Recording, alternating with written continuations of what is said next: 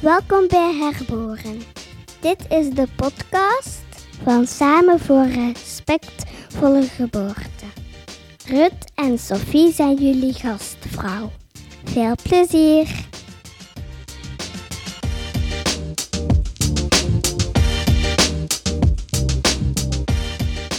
Beste luisteraars, welkom weer bij een nieuwe aflevering van Herboren. Vandaag hebben wij ons Nies aan tafel. Een mama, net zoals ik zelf. Nog niet zoals Sophie, maar wie weet binnenkort. Um, en die komt vandaag vertellen over haar eigen ervaringen met geboorte, met geboortezorg, hoe dat voor haar is gegaan, of dat goed gegaan is, of dat minder goed gegaan is. Um, maar ze gaat zelf ook nog uh, zichzelf inleiden. En Sophie evenzeer. Goedemorgen. Um, ik ben Sophie, ik ben vroedvrouw en medeoprichter van Samen voor Respect voor de Geboorte. En wij zitten hier dus vandaag met Nies. En Nies heeft zelf ook een podcast. Onze tweede gast die zelf ook haar podcast heeft, na Sophie. En ik vond Nies haar podcast heel fijn, want zij vertelde op een bepaald moment over haar bevalling en hoe dat haar dan geholpen had um, in haar bedrijf, in haar leven. maar ze wou niet te diep ingaan op haar bevalling, omdat het daar niet over ging. Dus ik dacht, ik wil de rest van het verhaal. Uh, dus heb ik Nies een berichtje gestuurd. En merci Nies dat je daar dan op in bent gegaan. Dat is mij heel veel plezier. ik denk, uh, ja, ik vind eigenlijk niks leuker om, daar, om daarover te babbelen. Dus voor mij kwam dat berichtje zo, ah ja, joepie, ik mag nog eens over mijn bevallingen praten. Dus uh, misschien is de rest van mijn omgeving het beugenhoorst, maar uh, ja, ik vind dat sowieso heel, heel leuk. En je hebt er drie achter de rug, hè? Drie bevallingen? Klopt, ja, ja. En van het jaar nog eentje. ah, ja, oké. Okay. Ja, Proficiat. Ja. Dank je. Ja, fijn. Um, is er een moment geweest, ergens in de eerste zwangerschap of bij de volgende, waarop dat jij je herboren hebt gevoeld en op een andere manier bent beginnen kijken naar dat hele gegeven van, van zwanger zijn, van geboortezorg? Ja, absoluut. Ik um, heb in het begin, hè, toen we beslisten van we gaan voor een kindje, heb ik um, twee um, zwangerschapsverliezen gehad. waardoor dat ik al begon te voelen van, oké, dit is hier niet hetgeen dat ik in mijn hoofd had. Hè. er gebeurt van alles, mijn lichaam uh, slaat op hol, zeg maar. Uh, er gebeurt niet wat ik wil.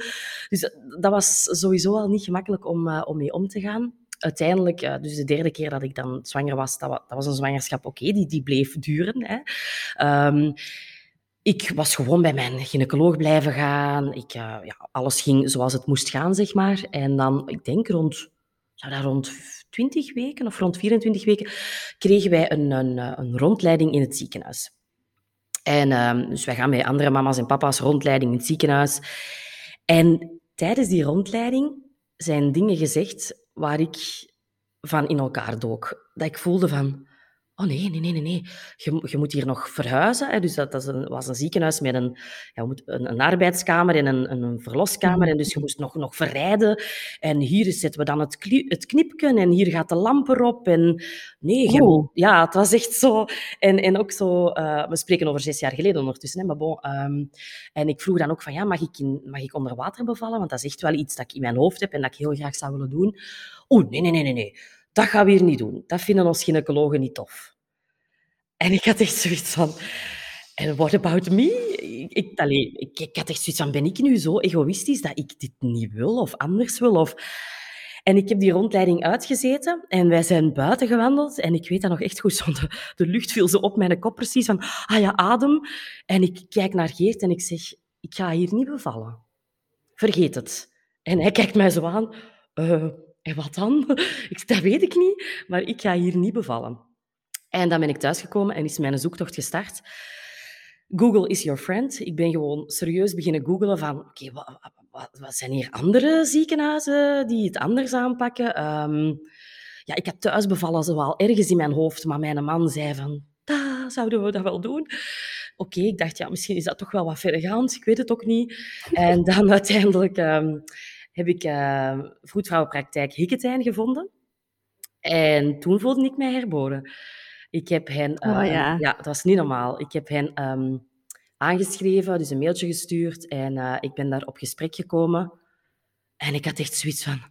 ik ben niet alleen met deze gedachten. Of wat, er zijn nog mensen die uh, voor een zachte geboorte hè, willen gaan en, en, vrouwen in hun kracht willen zetten en, en uitgaan van een natuurlijke geboorte. Allee, heel dat proces, ik voelde mij daar zo gehoord en ik voelde mij geen rare niet meer of geen vreemden of geen...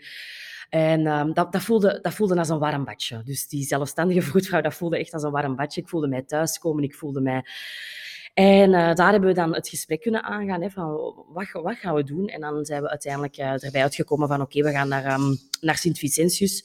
Uh, dat is dan een ziekenhuis dat voor ons ietsje verder rijden is, maar ja, die tien minuten of dat kwartier verder rijden, om dan te kunnen bevallen op de manier waarop, dat, waarop dat je het wilt. Um, dus toen was dat echt, ja, ik ben herboren, ik voelde mij op mijn plek, ik ben veel rustiger geworden. Um, en dan ben ik mij nog verder gaan verdiepen in hypnobirthing ook. En dan, ja, dat was echt zalig. Ik was zo blij dat ik ze gevonden had. Ja. Ja, zalig, inderdaad. Ik, ben, ik vind dat zo leuk om te horen dat uw reactie was van nee, dit wil ik niet. En dat je dan een plaats hebt gevonden waar dat wel kon. Want ik kan me ook voorstellen dat je zou kunnen gereageerd hebben door te zeggen van oh fuck, angst, bang, shit, dat gaat hier niet gaan. Ehm, en gewoon toeslaan. En ik denk dat, er ook, dat je ook zo had kunnen reageren, maar dat je het zo hebt aangepakt en zegt van nee, ik heb iets anders nodig. En dat je het ook gevonden hebt natuurlijk. Klopt, ja. En ik, ik, ik, dus, allee, ik als ik er nu over nadenk, dat was zes jaar geleden eigenlijk nog niet zo evident. Ik heb toen echt serieus moeten googlen en dan uh, bij wie kan ik uitkomen. En allee, ik, uh, ik, uh, ik, vind het nu zo fijn om al heel veel initiatieven te zien oppoppen en jullie Instagram-account ook. En allee, dat, er, dat er veel meer rugbaarheid aan gegeven wordt. Maar ik had toen zes jaar geleden wel echt zoiets van ben ik hier nu de enige? Dat kan toch niet? Dat was waarschijnlijk ook omdat je daar nog nieuw in bent, hè, in, heel dat, in heel dat gegeven. Maar ja, ik ben zo blij dat ik uh, inderdaad toen die stap gezet heb en uh, mijn eigen gevoel gevolgd heb. Want inderdaad, ik had daar ook tegenin kunnen gaan en kunnen zeggen van ja, maar Nies, het, het is gewoon zo. En, en, en niemand verandert van ziekenhuis. En, want er zijn wel wat, heel wat dingen allee, bij, allee, bij te komen. Um, allee, bij te kijken gekomen. Als, ik, ik, ben van gynaecoloog moeten veranderen. Hè. Dus ik heb, uh, ik heb tegen mijn gynaecoloog moeten zeggen, ik ga niet meer komen bij jou. Hè. Die, en die was zo echt van, waarom? En ik snap het niet. En wat is de reden? En, en zo wat ambetant. Uh, ik, ja, ben van ziekenhuis moeten veranderen. Dus dat was wel een hele... Hè, op zo'n half uur eerste zwangerschap. Dus dat was wel echt zo, ja, even van, oh, wat doe ik hier allemaal? Maar uh, uiteindelijk wel heel blij met de keuze. Ja. En hoe is uw bevalling zelf dan uiteindelijk geweest? Ja, dus we hadden dan inderdaad gekozen voor een, eh, een, een ziekenhuisbevalling in Sint-Vicentius, maar ik wilde wel heel graag het grootste deel van de arbeid thuis doen. Nu natuurlijk, een eerste kindje, je weet niet waar dat het gaat geven. Dus ik dacht gewoon, ik laat het op mij afkomen, ik doe die een hypnobirthing, ik probeer zo rustig mogelijk te blijven. Maar ik had wel in mijn hoofd, ik ga niet bij het eerste gevoel of bij het eerste dat ik voel, ga ik nog niet bellen of nog niet naar het ziekenhuis rijden ik ben sowieso geen ziekenhuis Ik heb altijd zo wat gevoeld, een ziekenhuis, dat is goed dat het is, maar dat is voor zieke mensen. Alleen bij mij is dat zo'n gevoel. Um, dus ik ben dan um, uh, ja, s'nachts wakker geworden. Op, um, ik was één dag over, ja, over tijd. Hè. Dat is ook zoiets dat ik niet graag zeg. Maar dus ik was één dag na mijn uitgerekende datum. en begint het wat te rommelen s'nachts. En um, ik ga naar het toilet en mijn water breekt op het toilet. En um, ja, het begint zo wat te rommelen. Het is twee uur, half drie s'nachts. Maar ik denk, ja, weet je, dat gaat hier nog lang duren. Dus ik zal maar terug in bed kruipen. Misschien kan ik nog wel wat slapen. Um, echt geslapen heb ik niet meer, want vrij snel begon dat echt al heftig. En mhm. dat ik toen dacht, wat heb ik mijzelf wijsgemaakt dat ik dit ga kunnen zonder verdoving? Dit, dit gaat mij echt niet lukken. Maar ja, ik had natuurlijk in mijn hoofd van ja, gemiddelde eerste bevalling 12 uur of wat zei ze, 16 uur. Nee, nee, nee. Ja, nu snap ik het. Hè. Uh, dat, er, dat er pijnstilling is. Dit is, oh, dit is wel echt heel heftig. Um, en dan heb ik uiteindelijk, ja, ik weet dat mijn mama zo zei, je moet een warme douche pakken, dat doet veel deugd. Dus ik heb een warme douche gepakt en zo, ja, dat hielp allemaal wel. En um, ik was toen nog altijd zo van, ik ga dat hier alleen doen en ik ga mijn man nog niet wakker maken. Dus ik heb hem uiteindelijk, denk ik, om rond vijf uur heb ik hem wakker gemaakt. Dus ik heb zo twee, drie uurtjes uh, alleen zo echt um, het opgevangen, zeg maar. Ik ben eens naar beneden gegaan, op de strijkplank gaan leunen, tegen de chauffage. Oh, ja.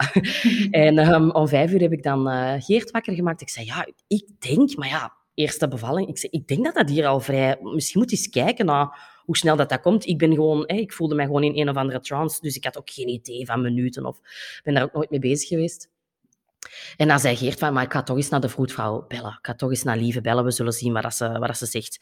En ehm, hij belt Lieve op en hij omschrijft hoe dat ik erbij sta en wat voor geluid dat ik maak.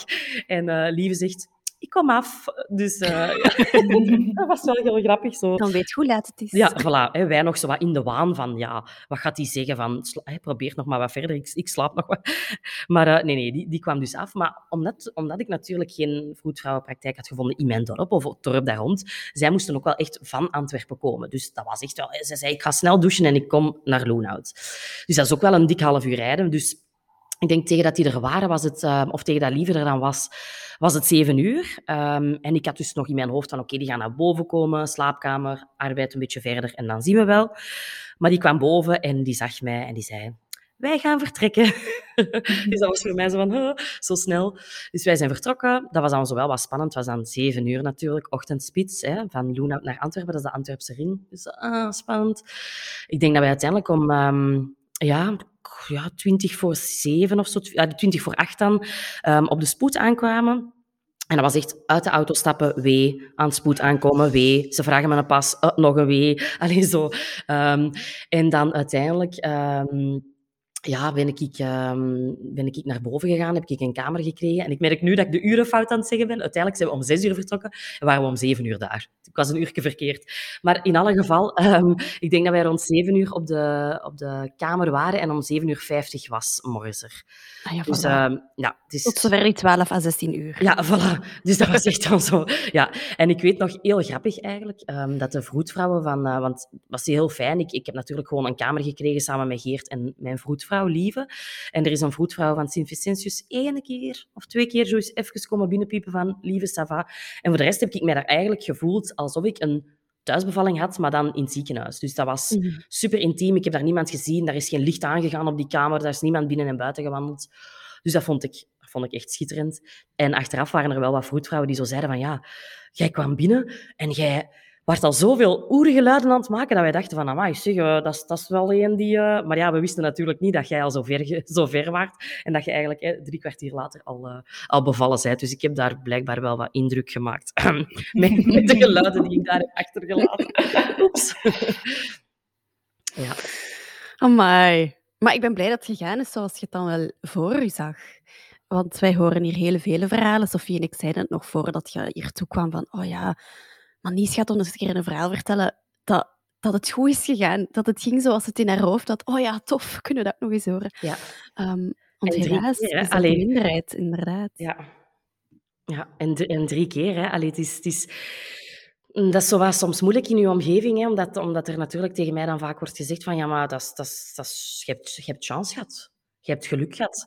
Maar dan denk ik, ja, uh, dat was dan zo elke keer de drijfveer als ik zwanger was van ik zal nog eens bewijzen dat dit geen geluk is. En dat ik hier, hè, uiteraard, hè, ik kom daar een portie geluk wel, wel aan te pas. Maar ik geloof ook echt wel dat daar, dat daar ook wel wat maakbaarheid in zit. En dat je zelf echt wel door bepaalde keuzes te maken, daar toch wel wat meer zeggenschap in hebt dan gewoon, ah ja, de gynaecoloog zegt dat ik moet ingeleid worden, dan zal dat wel zo zijn. Allee, ja. uh, dat was bij mij ook. Ik had hoge bloeddruk en daar werd ook over inleiding gesproken. En ik werd dan eigenlijk echt ja, ik, het is mij echt aangeleerd eigenlijk, en daar ben ik heel blij om, door Hikketijn, om vragen te stellen. Wij zijn dat niet gewoon, hè.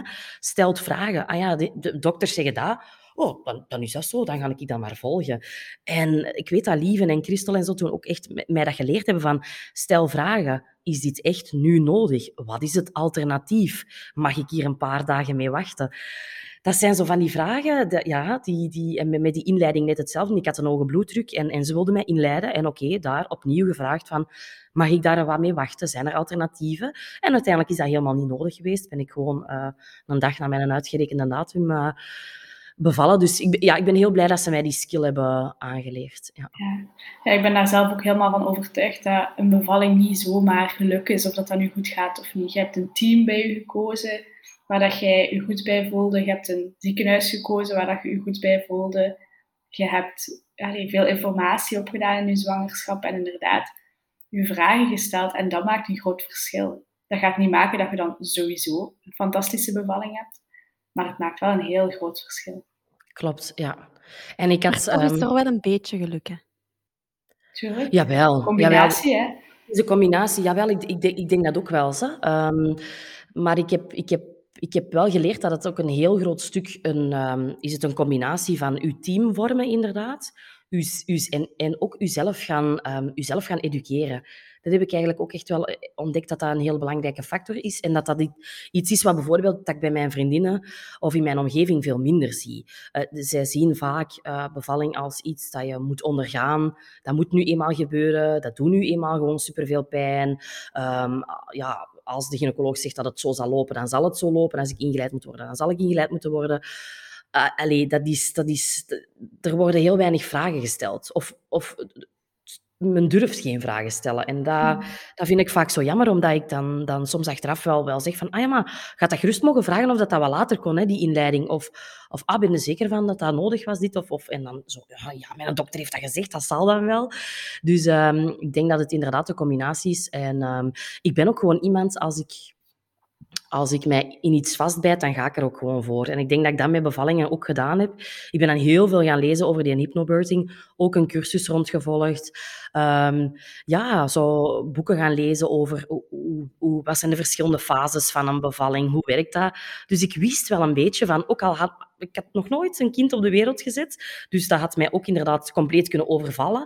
Maar doordat ik wel mij had ingelezen, waar ik trouwens door mijn omgeving wel echt een beetje mee ben uitgelachen, in de zin van, ha, jij denkt dat een boekje lezen u gaat helpen bij uw bevalling. Haha, ha, we zullen nog wel eens zien. En ik dacht, ja, dat gaat mij helpen. Dat is in het echte leven toch ook. Als ik een e-, examen ga doen uh, van de rijbewijs van een auto, dan ga ik ook eerst even lezen van hoe werkt dat hier.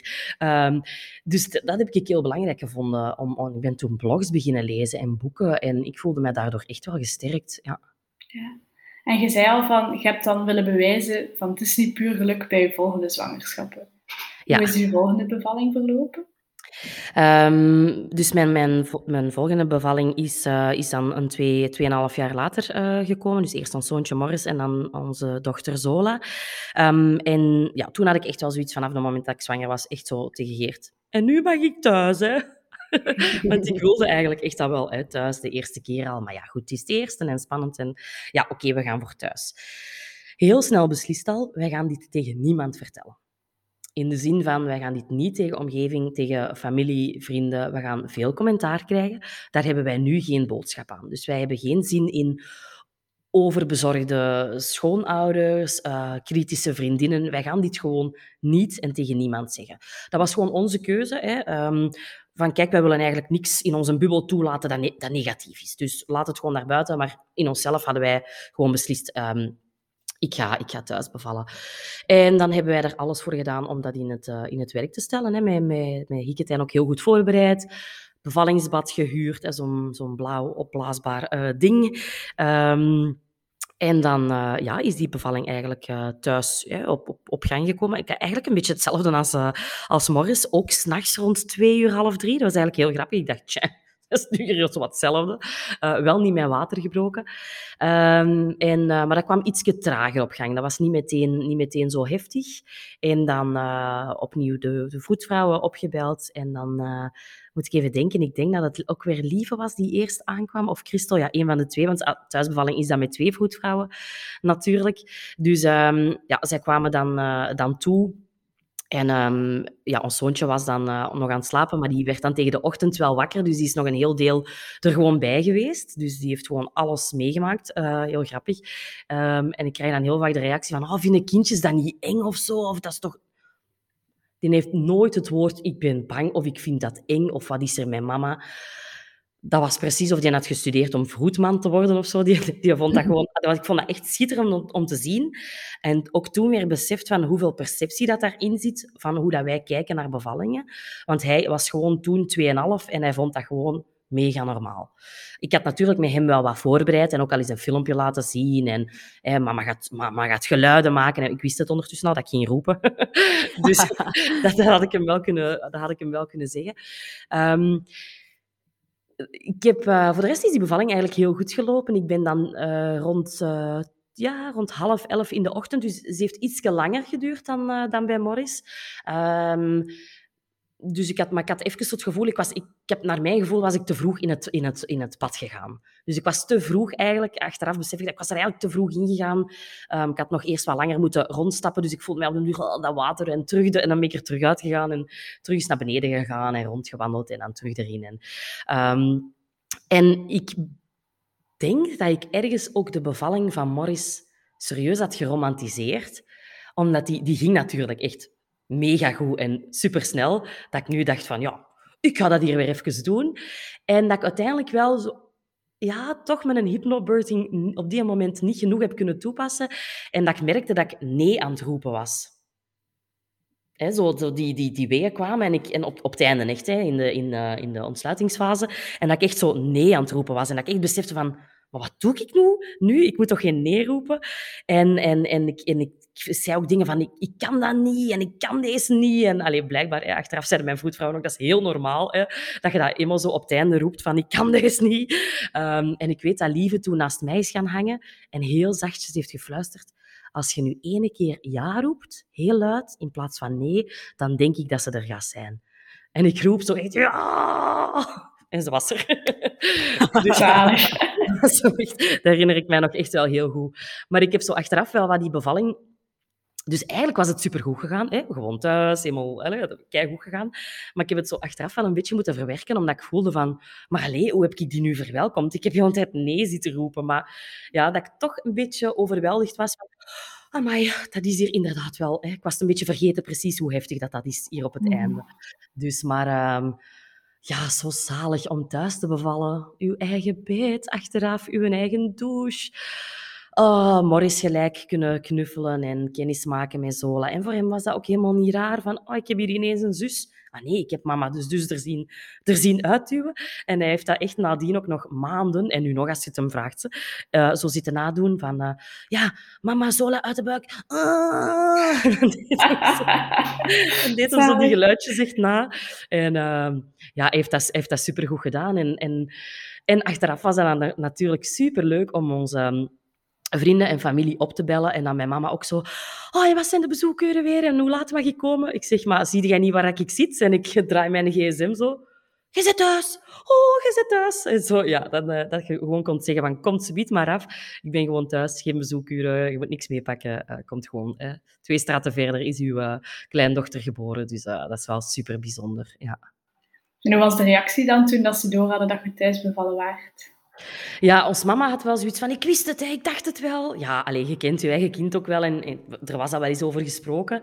Um, ja, mijn schoonmoeder was wel een beetje geschrokken, denk ik, want die had dat helemaal niet zien, uh, niet zien aankomen. En wij hadden er natuurlijk ook niet echt over gepraat. Dus ik denk wel dat hij zoiets had van help. Maar oké, ze is er en ze is gezond. Dus, allee, want die zitten nog zo meer in dat oude patroon van, ja, dat is toch niet zo veilig in toestanden. Um, maar ja, uiteindelijk zei iedereen ook van, allee, zie je hier zitten, zo s'avonds, allemaal met een kavakken in de zetel, gewoon gezellig bij ons niet thuis. En ja, nee, die waren eigenlijk heel blij voor ons en dat we dat zo hadden kunnen doen en uh, dat we dat niet hadden moeten wegrijden en dat alles goed gegaan was. En, uh, maar ik merkte wel zo, ja, heel veel nieuwsgierigheid. Dat mensen ook mm. zo en waar stond dat bad? En staat dat er nog? Mag ik eens gaan zien boven? En waar heb jij dan? En, en, oh ja, en, en, en de buren? Hebben de buren niks gehoord? En alleen zo, ja, zo kleine details waar dat mensen dan ineens van... Wat doen ze dan met de placenta? Waar is uw placenta? Alleen zo, ja, dat mensen zo ineens van... Ah ja, thuis. Hoe, hoe werkt dat dan? En heel veel nieuwsgierigheid. En dat vond ik dan eigenlijk alleen maar leuk om, uh, om daarop te antwoorden. Ja, dat is ook heel grappig dat dat dan zo de vragen zijn die ze stellen. Dat is echt, dat waren de vragen, echt waar. Van waar stond dat bad en hoe hebben jullie dat dan gevuld en waar is de placenta en wat doe je dan met al dat bloed? En ja, dat waren echt de vragen. Echt waar.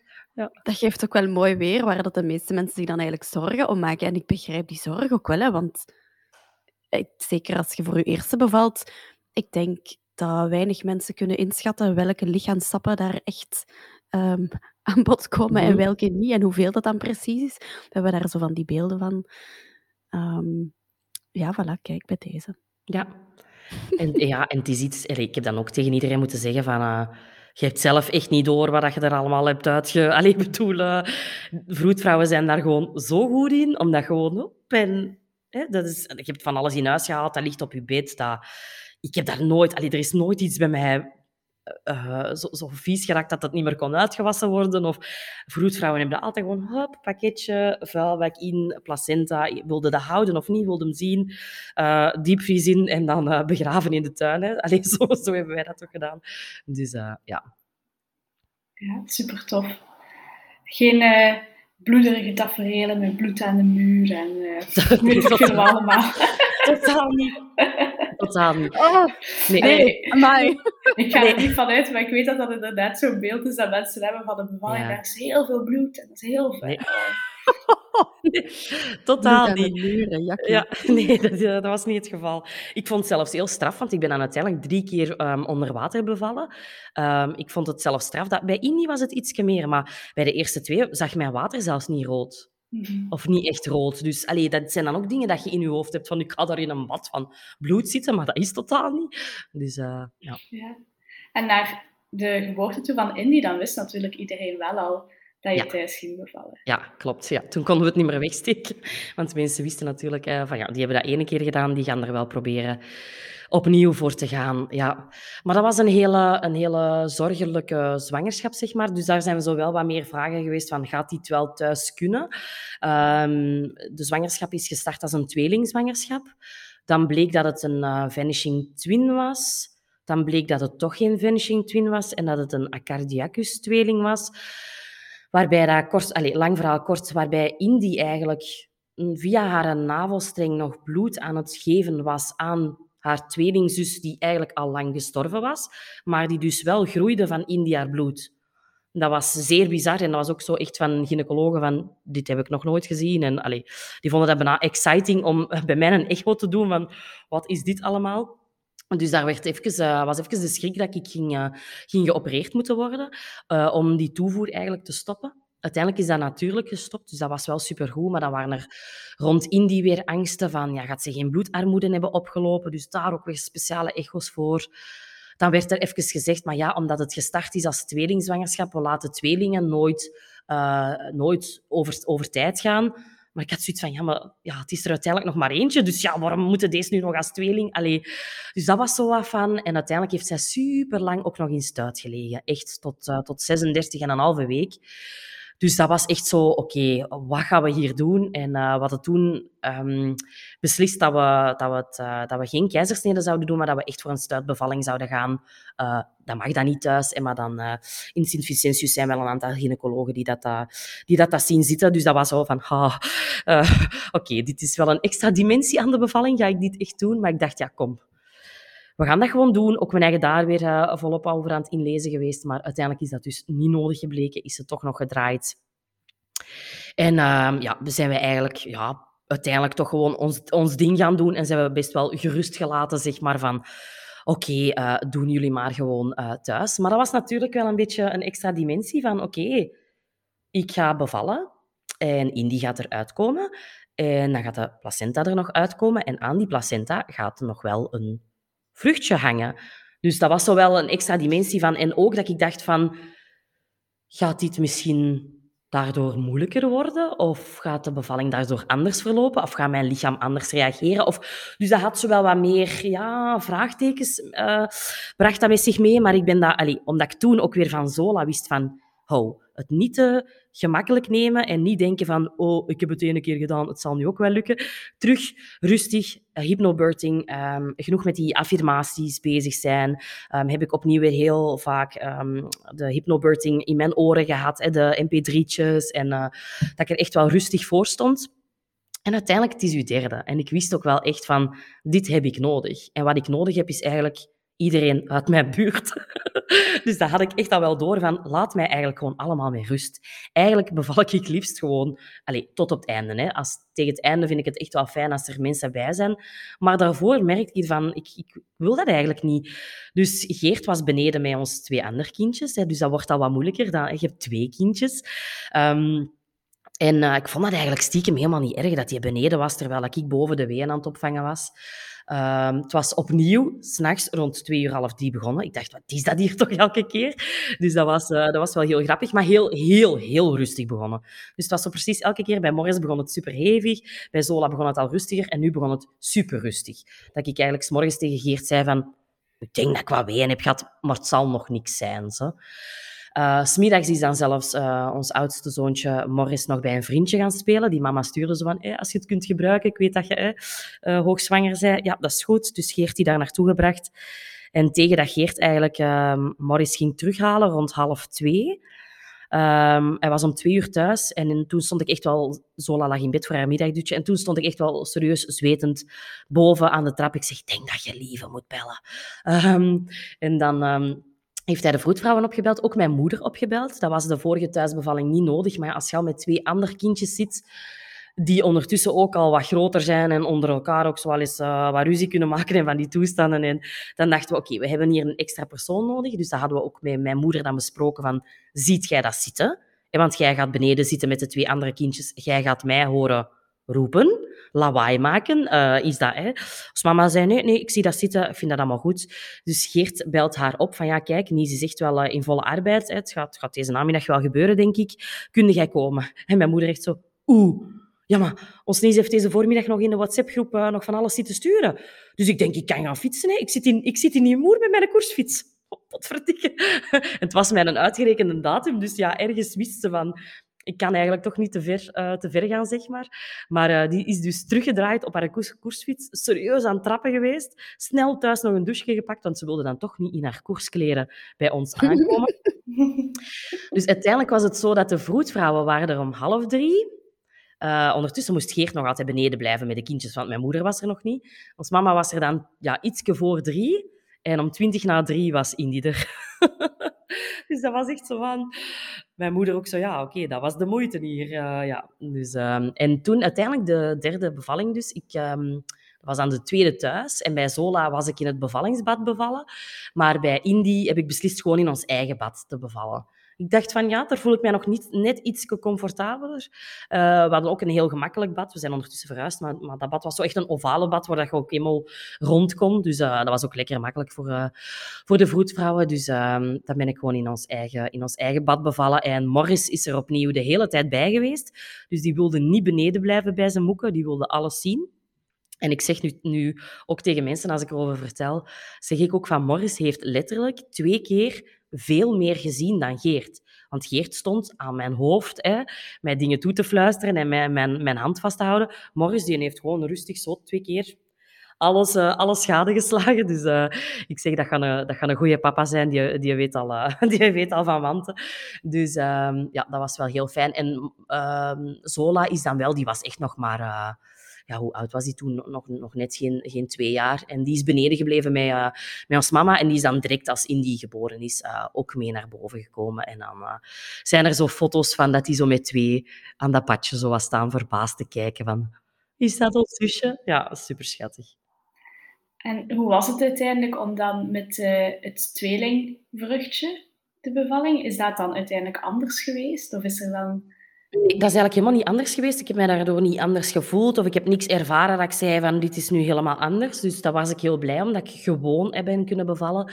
En dan uiteraard uh, ja, lag ik op bed met Indy en dan heeft Lieve eigenlijk uh, ja, heel discreet even gevraagd van en Nies, wat, wat gaan we doen? De placenta gaan we Gaan we, gaan we kijken en gaan we even samen kijken naar het vruchtje? Of zie je het nog niet zitten? Of ik zeg, nee, jawel, uh, ik wil het wel zien. En dan hebben we eigenlijk echt zo wat, er wat naar moeten zoeken, want het zat zo echt helemaal in de, in de vliezen, dus we zagen het niet direct. Dus uh, Lieven heeft zo echt wel wat goed moeten alles opentrekken, zeg maar. Het zat echt wat verstopt.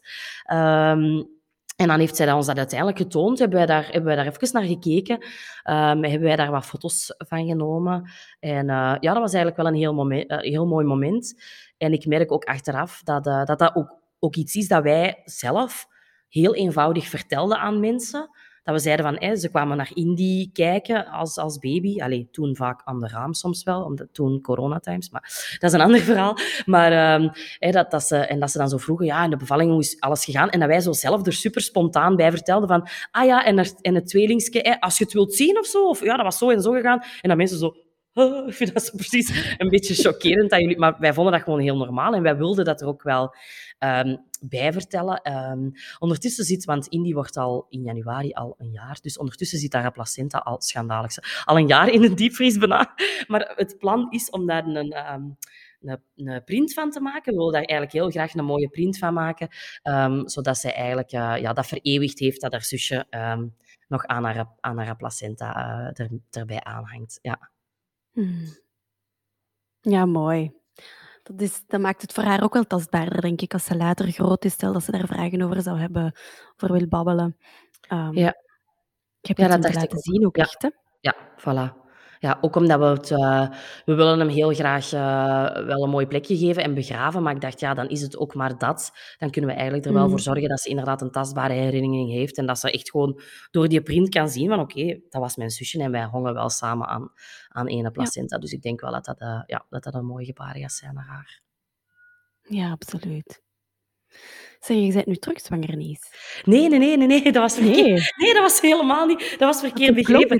Nee, ik zei in het begin van de aflevering, ik ben dit jaar nog, nog bevallen. Dat zei ik. Ah, ik dacht dat je zei dat je terug zwanger was, maar je zei het zo heel droog. Het Dus ik was een beetje droog. Ik dacht, ik heb dit echt verkeerd Nee, begrepen. nee, nee, nee, nee. Het, Ja, ja. het kan ook. niet meer.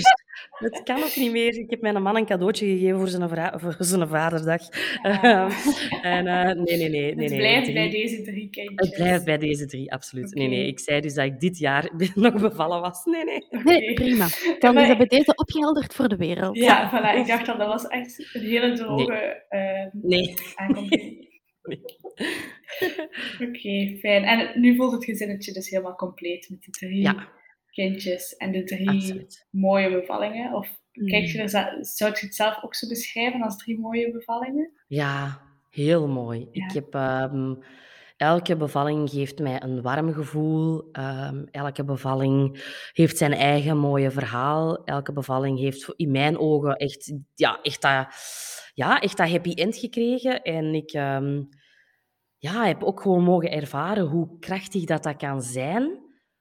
Dat, als, dat je als vrouw in je kracht mocht blijven, dat er naar u geluisterd wordt en dat je moogt inderdaad zeggen van ik zie het zo en zo. En ik zeg het, dat heeft voor mij eigenlijk heel mijn leven veranderd. Omdat ik dan en daar gevoeld heb van als ik dingen, dus onder andere mijn bevalling, als ik dingen in handen neem, dan kan ik het. Dan kan ik het op de manier doen waarop dat ik het wil. En dat is met mijn bevallingen gestart, maar dat heeft mij eigenlijk nu doorheen heel mijn, heel mijn leven veranderd. En dat is iets wat ik voel van door mijn verhaal te delen, want ik deel mijn verhaal zelf ook op mijn blog Reismicroben, staan mijn drie bevallingsverhalen ook helemaal uitgeschreven. Dat heb ik een stuk voor mezelf gedaan natuurlijk, omdat dat fijn is om je eigen... Ja, je vergeet soms gewoon stukken, hè, zeker na drie kinderen. maar ik doe dat ook echt om andere vrouwen te empoweren en om te laten zien van... Er zijn ook andere manieren. En als je dat ergens in je achterhoofd hebt van ik wil misschien wel thuis bevallen of ik wil misschien wel van ziekenhuis bevallen of ik voel mij bij deze zorgverstrekker toch niet zo helemaal op, op, op mijn gemak, dus ik mag veranderen. Dat, dat vind ik zo belangrijk om, uh, om dat door te geven en, en daarom kijk ik daar heel, heel, heel fijn naar terug en, en ben ik heel blij dat ik toen mijn eerste zwangerschap, of tenminste eigenlijk mijn derde, maar de eerste zwangerschap die ik aan het uitdragen was, um, dat ik dan en daar echt naar mijn innerlijke stem geluisterd heb van nee, je gaat hier niet bevallen, dit voelt voor jou niet goed en veilig, dus we gaan op zoek naar, naar, een, andere, naar een andere mogelijkheid. Ja. En is dat ook, hè, want ik had al op voorhand gezegd, we stellen ook graag de vraag van wat zou u, vanuit uw ervaring, wat denkt jij dat er nodig is voor meer respectvolle geboortezorg. Is dat een beetje uw antwoord daarop? Of heb je nog een andere uh, insteek? Ja, ik, ik, ik vind dat standaard iedereen een zelfstandige vroedvrouw moet hebben. Ik snap niet dat dat niet is. Ik begrijp ja, dat wij niet. als zelfstandig vroedvrouwen zijn het met u eens natuurlijk. Ja, het is dat, dat, is, dat, dat, dat, zou ik echt zeggen. Ik, ik zeg dat tegen al mijn vriendinnen ook. Doe dat, pak dat. Allee, dat is... En, en dan ook, jij moet weten waar dat je bevalt. Als jij je in, in een ziekenhuis helemaal, uh, helemaal veilig voelt, en, en dan, moet, dan moet je dat vooral doen. Maar daar kun je ook, niet in alle ziekenhuizen luisteren, maar daar kun je ook je eigen vroedvrouw meenemen. En mm. dat is zo'n wereld van verschil, dat je je vroedvrouw al helemaal kan meenemen in jouw verhaal, in wie dat jij bent, in wat dat jouw wensen zijn. En dat je die dan gewoon vervolgens kan opbellen, dat hij naar jou thuis komt en meerijdt naar het ziekenhuis. Hoe, dat die geeft zo'n secuur, zo'n veilig gevoel. Ehm, ik zeg het, onze, onze eerste bevalling was dan een ziekenhuisbevalling, maar ik heb dat gevoel niet gehad van dat typische van ze lopen nu deur plat en binnen en buiten en, en, uh, en shiftwissel en toestanden. Hè, wat natuurlijk heel normaal is dat dat moet gebeuren in een ziekenhuis. Maar uh, ik, ik, wens, ik wens iedere vrouw een, uh, een zelfstandige vroedvrouw toe. Dat vind ik ontzettend belangrijk. En, maar dat is natuurlijk na de bevalling, maar ik wens ook iedereen een soort van, dat heb ik ook al vaker gezegd, een soort van bevallingstherapeut toe. Ook al is u, ik vind dat er um, elke bevalling moet verwerkt worden. En een, een zelfstandige vroedvrouw doet dat, doet dat zo goed. Ik heb dat ook mogen ervaren, dat het soms zo was dat uh, Lieven of Christel binnenkwamen. En um, ja, die deden dat zo mooi. Die kwamen dan bij mij op de zetel zitten en het eerste wat die vroegen was van, hoe is het met jou? Ça? En dat vond ik zo van, oh, die, die gaan hier niet gewoon ineens de baby en kijken en is die groot gegroeid en is die goed aan het drinken. En, nee, nee, dat was echt eerst naar mij gaan luisteren. En soms vond ik dat, dat zelfs al zo ontroerend dat die dat vroegen, dat ik natuurlijk begon te weten. alle, hè, alle emoties van, van, uh, van doen. Maar ja, dat vind ik zo, dat is, dat is gewoon goud waard. Dat je iemand kunt hebben waar je naartoe kunt gaan. En die zelfstandige vroedvrouw ook, die ik zat daar vaak drie kwartier, hè, heel uw verhaal te doen bij een gynaecoloog, met alle respect. Ik had een super toffe gynaecoloog, maar dat is wel binnen en buiten. Allee, dat was wel tien minuten, snel. We gaan kijken, alles is goed, verder. Dus ja, een zelfstandige vroedvrouw is in mijn ogen echt een zware must voor iedereen. Ja. Met alle plezier. Ja. Ik wil nog even toevoegen dat um, voor onze luisteraars, als jullie op zoek zijn naar een zelfstandige vroedvrouw, dat je die ook op één plek kunt zoeken. Want je zei net nog niet, hè, ben beginnen googelen en zoeken. Als je naar vroedvrouw.be gaat, dan heb je daar eigenlijk een heel mooi overzicht van alle zelfstandige vroedvrouwen in je eigen regio. Dat kan de zoektocht wel enigszins vereenvoudigen. Ja, klopt. Ja, en ik heb ook ontdekt dat je daar ook kan aanduiden wie dan ook thuisbevallingen doet en wie Ja, niet. inderdaad. Bijvoorbeeld, dus dat dat al wel heel fijn is om te filteren eigenlijk van stel dat je een thuisbevalling wilt, hè, dat je dan niet iemand gaat contacteren die dat dan niet doet. Dan kan je, Ja. ja, dat is superhandig. En als je al weet dat je een thuisbevalling wilt, kun je ook kijken op birdmatters.be. Die hebben een mapje met specifiek alle praktijken die ook thuisbevallingen begeleiden of bevallingen in het ziekenhuis zelf medisch begeleiden. Ja. Dus, en sowieso, die website is ook zeker een aanrader. Ja, absoluut. Ja. Inderdaad, dat maakt het al iets eenvoudiger. Ja. Maar dat zijn...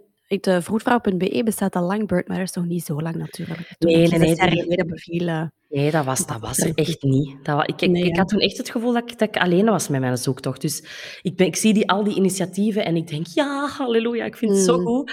En eh, ja, nu ook, allee, je kunt er niet rond, nu ook meer BV's die thuis bevallen. Ik kan dat eigenlijk, allee, eh, Natalia zeker, ik kan dat alleen maar toejuichen. Hè. Ik denk dan, yes, ik, ik ben echt door een paar mensen, zes jaar geleden, allee, toen ben ik uiteindelijk in het ziekenhuis, maar dan nog, ik ben echt weggezet als gevaarlijke zot. Hè. Er hebben echt een paar Mhm. mensen zo via via hoort je dat dan van, eh, ja, en ook dat ik daar dan blogs over schreef of daarover over vertelde op mijn Instagram. Ze moet dat niet gaan promoten, dat gevaarlijke gedoe.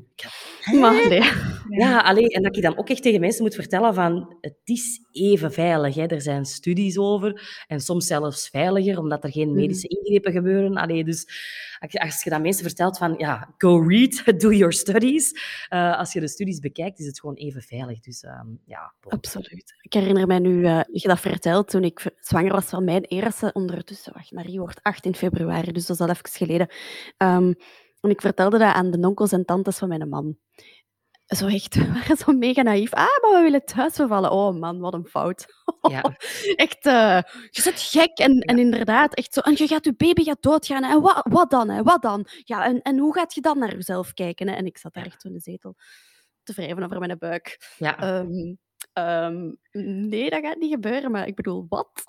ja dat, is echt, dat is echt crazy welke reacties. Dat was eigenlijk wel zot, ja. Ja, daarom dat wij, allee, ik, ik had dat dus een beetje voorzien en daarom dat wij dus beslist hebben bij Zola van wij gaan dat niet, tegen niemand zeggen, want wij gaan hier vibes binnenkrijgen van mensen die angsten die niet van ons zijn en houd het gewoon bij jezelf. Ja.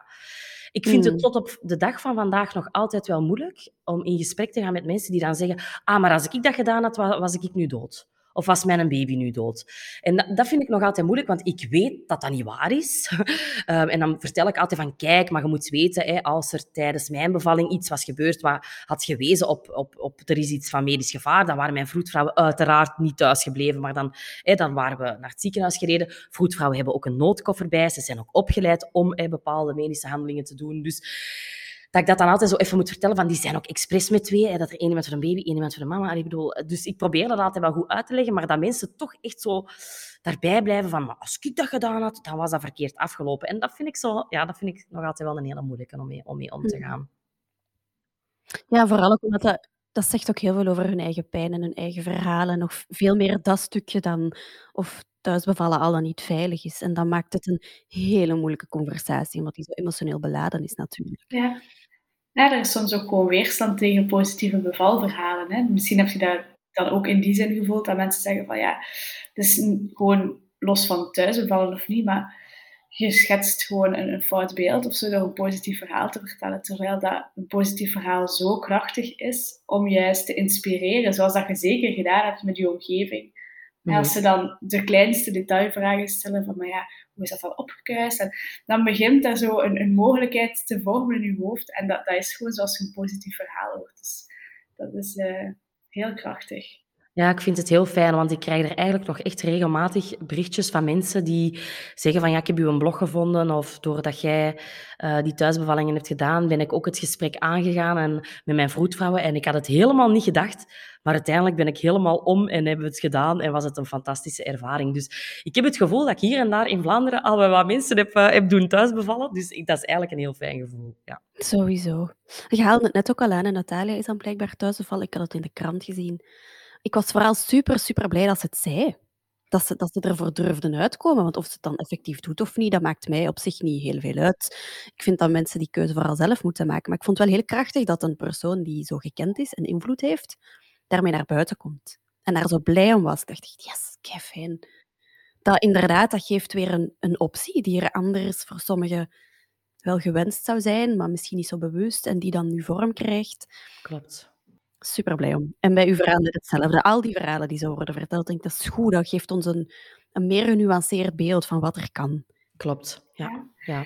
En ik hoop dat de mensen die nu luisteren naar de podcast, dat dat hun ook kan inspireren en kan empoweren of bekrachtigen voor, uh, voor hun eigen bevallingen uh, op een fijne manier te beleven. En of dat dan nu thuis is of in het ziekenhuis, maar vooral met mensen waar dat ze zich goed bij voelen, in een setting waar ze zich goed voelen. En inderdaad, zoals gezegd, Nies, dat ze durven vragen stellen en, uh, en dat durven in handen nemen. Dus ik hoop dat dat ook in deze uh, bij de luisteraars inspirerend is geweest. Ja, super. Alright. Merci voor uw tijd. Dat is heel graag gedaan. Ja. Dat is heel graag gedaan. Het was kei fijn. Wilt jij nog even meedelen, Nies, waar dat mensen kunnen vinden? Uh, ja, mensen kunnen uh, mij en, uh, en mijn gezin eigenlijk volgen op reismicroben. Dus zowel op reismicroben.com, dat is onze blog, maar ook op reismicroben gewoon zoeken, at reismicroben op Instagram.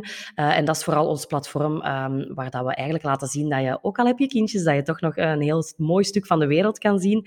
Maar ik vertel daar ook wel over het moederschap, ook mijn bevallingen, toestanden zijn daar zeker aan, aan bod gekomen. Ehm, ja, voilà. En ik heb ook een Facebookgroep Globetrottende Gezinnen voor mensen, voor mama's en papa's die graag reizen en uh, daar vragen over hebben. En als er ondernemers luisteren, mogen ze altijd gaan piepen naar Socialized by Nice. Dat is mijn platform waar ik uh, ondernemende vrouwen help naar meer online zichtbaarheid. Super, merci. Ik ga het allemaal toevoegen in de beschrijving, beste luisteraars. Je moet dat niet onthouden. ja, geweldig. merci. Tot de volgende. Ja, tot de volgende. Bye bye.